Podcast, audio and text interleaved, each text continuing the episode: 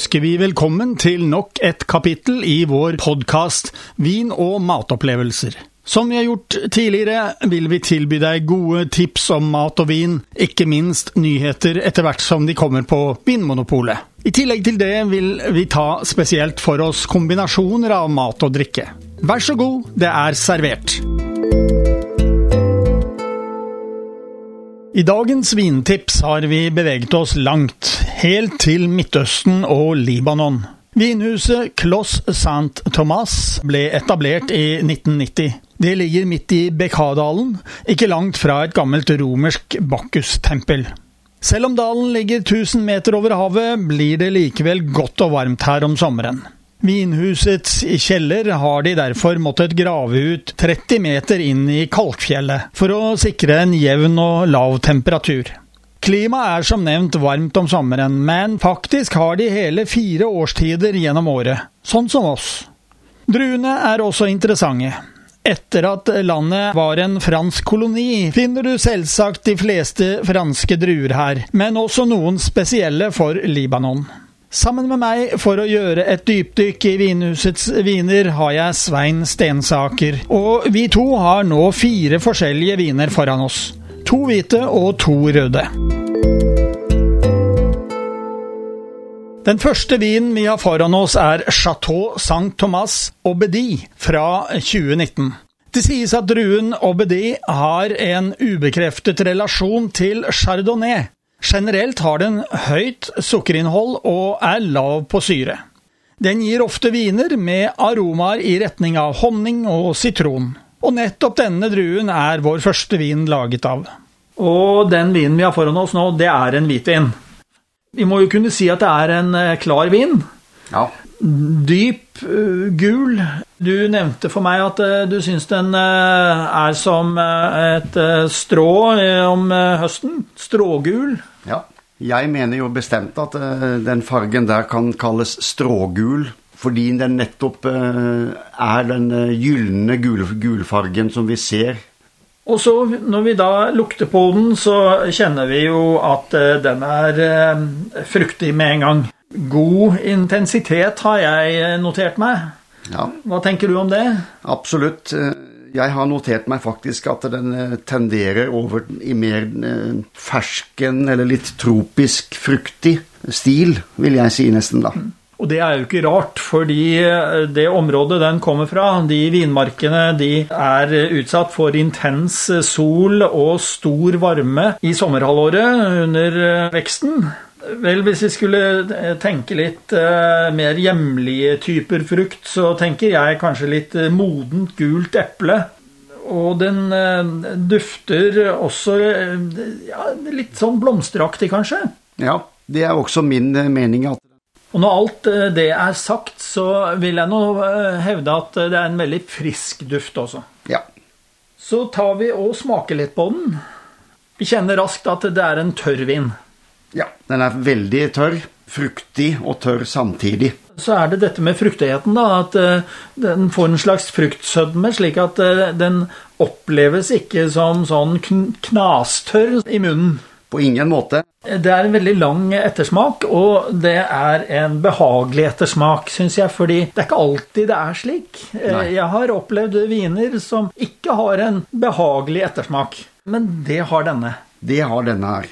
Og jeg er enig med deg. altså Det hender at eh, lukten eh, sier én ting, og smaken sier noe helt annet. Men her syns jeg det er god balanse mellom det du lukter, og det du smaker. Hva er det vi ønsker å trekke fram med denne spesielle vinen her? Jeg sier det var en fin friskhet. Og det vil kanskje gjøre den til en god matvin eh, når vi tenker i retning av sjømat. Absolutt. Og god sommerdag eh, på terrassen, så kan denne her vinen passe ypperlig selv uten mat til, vil jeg si. Den er jo da på bestillingsutvalget og koster 195 kroner. Ja, sammenligner man kvalitet og pris, så syns jeg at dette er et godt kjøp. Den neste vinen vi har i glasset, er en Chateau Saint-Thomas Chardonnay. Denne er fra 2018, har altså to og et halvt år bak seg. Hvis vi skal si litt om fargen på den Jeg syns, eh, for å være ærlig, så er den så å si prikk lik med den forrige vinen vi nettopp eh, hadde foran oss i glasset. Altså, dette er nok en strågul variant. Det er min mening. Den er veldig klar. Mm. Den har jo da fått nå drøyt kanskje to og et halvt år på seg. Lukten, der kjenner du altså ja, Jeg har notert meg en god intensitet, fruktighet og Eh, kanskje litt sånn fet, typeriktig eh, chardonnay-duft. Absolutt. Og så er det kanskje litt eh, sitrus inni den blandingen. Absolutt, det er det. Smaken den er jo da både fruktig, selvfølgelig er vinen tørr, og den er ganske fyldig, har jeg notert meg. Det er noe, noe vegetalsk i ettersmaken. Om det kommer av eikelagring, det er jeg ikke sikker på, men det kan godt hende. Det kan være absolutt. For i, og med at den er helt tilbake fra 2018, så har den jo ligget lagra en, en, stund og har fått sannsynligvis preg av det. Mm. Så er vinen ganske frisk og ganske konsentrert og forholdsvis lang eh, i munnen. Ja. Behagelig ettersmak der også. Ja, det er det. Så hvis vi skal eh, trekke fram noe spesielt med denne vinen, så syns jeg det var fin fylde, god friskhet. Og ja, en typeriktig chardonnay. Ja. Denne vinen får du på bestillingsutvalget, og den koster da 220 kroner. Og Sammenligner du pris og kvalitet, så vil jeg kalle det et godt kjøp. Vår neste vin er en Chateau Saint Thomas Pinot Noir. Den har virkelig fått noen års lagring, og er fra 2015. Ifølge vinhuset er denne druen ikke brukt så mye i Libanon. Faktisk hevder de at de er de første av landets vinhus som har fått en vin av denne druen ut på markedet. Dette blir spennende. Så denne har ligget faktisk en god del år på fat? Faktisk. Den har ligget en god del år på fat. Nå er det jo slik da, eh, at eh, fargen på en pinot noir-vin den vil ofte være lysere enn mange andre. Og så er det jo også slik at eh, jo lenger eh, rødviner ligger, jo lysere blir dem. Og jo brunere blir de ofte. De kan gå i retning av mursteinsfarge ja. når de blir skikkelig gamle. Men eh, når vi tok fram denne vinen her, så ser vi at det er en veldig klar vin. Men den er ikke bare klar, den er veldig lys også. Ja. Så ganske typeriktig farge på en pinot noir-vin. Ja. Men det jeg eh, noterte meg, det var ja, den går mot en mursteinsfarge. Ja. Jeg har eh, krysset av på brunrød, men det blir omtrent det samme, tenker jeg. Ja, det gjør det. Og når vi tok fram vinen i glasset og luktet på den, så kjenner vi at det er god intensitet i lukten. Og den eh, er fruktig, og kanskje litt krydret. Hva tror du? Jo, det har jeg krysset av for. Og jeg vil nesten si den lukten minner meg om eh, veldig modne stikkelsbær. Det er, nå er ikke det noe veldig vanlig å sammenligne stikkelsbær med vinlukt. Og da tenker ikke du på grønne stikkelsbær? Nei, nå tenker jeg på disse veldig, veldig mørke blå. Modne, godt modne stikkelsbær. Og de syns jeg altså de tenderer jo litt i, i, smak og lukt over til bjørnebær, nesten, da. Mm. Men, det er kanskje mest vanlig å snakke om bjørnebær når det er snakk om duft i, i vinsammenheng. Men jeg syns nesten jeg kan ane stikkelsbær, blå stikkelsbær. altså. Mm. Jeg har ikke noe erfaring med blå stikkelsbær, så jeg kan ikke si verken det ene eller det andre. Men jeg syns, eh, siden denne vinen har ligget litt, så det er røde bær, men det er mer modne røde bær. Og kanskje vi snakker om eh, bjørnebær eller skogsbær eller noe sånt. Ja. ja, vi snakker fortsatt om en tørr vin, og det er en fruktig vin. Det var en eh, elegant rødvin og kan passe til ulike kjøttretter, har jeg notert meg. Ja, det tror jeg absolutt. Eh, og gjerne noen som har en del eh, altså litt eh, kraftige sauser og sånn, ikke sant? fordi den har litt tanniner å fare med. Ja, jeg har notert meg det at jeg kjente på tenner og på tunge litt garvestoffer der. Ja. Og, men den har en friskhet, og det vil jeg også trekke fram.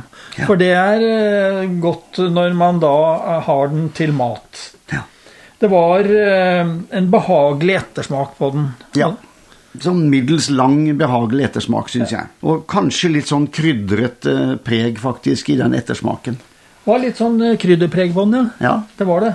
Denne får du også på bestillingsutvalget, og den koster 225 kroner for en flaske. Nå begynner vi å, å komme opp i en prisleie som ikke veldig mange sånn til daglig eh, beveger seg i, men sammenligner du kvaliteten og prisen, så syns jeg det fortsatt er et godt kjøp. Absolutt. Her får du en god pinot noir for den prisen.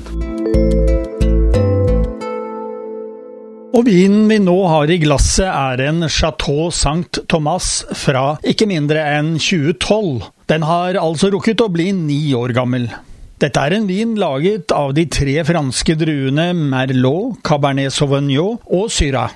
Når rødviner har ligget så mye som ni år, begynner de å få et alderspreg over seg. Fargen blir ofte litt lysere og kan gå mot det vi kaller mursteinspreg. Fruktigheten i duften går fra å være frisk frukt til mer modent preg. Det syns jeg kanskje ikke gjelder denne vinen her nå, for når vi ser på den i glasset her, så er den ganske dyp rød. Altså den er eh, på grensa til u, ja, mørk, ugjennomsiktig mørk rød, vil jeg si, altså. Ja. Den er eh, klar, eh, men samtidig så er den så mørk rød at eh, vi kanskje ikke klarer å se igjennom. Ja. Nei, den var jo en spennende vin, så ut fra fargen så ville jeg aldri ha gjettet at denne var ni år gammel. Nei, det vil man ikke kunne se. Jeg noterte meg også at når jeg holdt glasset veldig på skrå, så var den litt brun i kanten. Ja. Som kan fortelle at den har ligget noen år. Ja men eh, fargemessig så var den ikke begynt å bli lysere. Den har nok noen år igjen før den tar igjen den eh, forrige pinot noir-vinen. Ja. I duften så eh, var den intens, har jeg notert meg, og den var altså moden frukt, har jeg fått med. Det var et ganske intenst fatpreg på vinen. Ja. Kanskje i retning av lær? Jeg vet ikke. Lær, eik, et eller annet sånt. Moden rød frukt, altså tørket frukt. Ja. Eh, litt i retning av rosin. Sviske, muligens. Mm. Altså i hvert fall en søt, tørket frukt. Mm.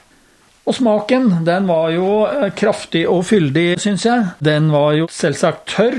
Og den var overraskende mye garvestoffer, eh, noe som unge viner har mye av, men som eldre viner der begynner garvestoffene å bli integrert. Ja, men her snakker vi om en vin som altså da er ni år gammel, og som har så mye garvestoffer at virkelig, du kjenner at det setter seg på tenna, ikke sant?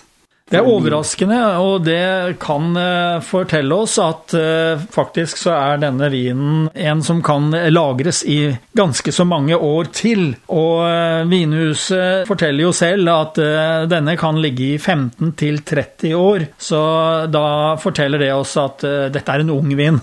det er nesten som man skulle ønske at man kunne ta den fram gjennom en 20 års tid, og prøve smaken da. Det hadde vært moro. Det hadde vært moro. Men eh, det var altså en kraftig, fyldig, overraskende garvestoffer. Men samtidig så hadde den en, en rund smak også i munnen. Ja, den, jeg vil si at eh, nettopp med de tanninene der, så er jo denne her vinen veldig godt egnet til kraftige kjøttretter. Mm. Der man har mye smak som skal balanseres med en god vin. Fete sauser. For eksempel, ja, ikke sant. Så vinen får du på bestillingsutvalget. Den koster da 265 kroner flasken. Og jeg vil også kalle dette et godt kjøp, selv om prisen nå er steget. Da har du fått dagens podkast fra Radio Riks Oslo om mat og vin. Hvis du ønsker å abonnere på den, slik at du får den automatisk når nye blir lagt ut, kan du gjøre det. Kommende mandag får du neste kapittel. Vi høres!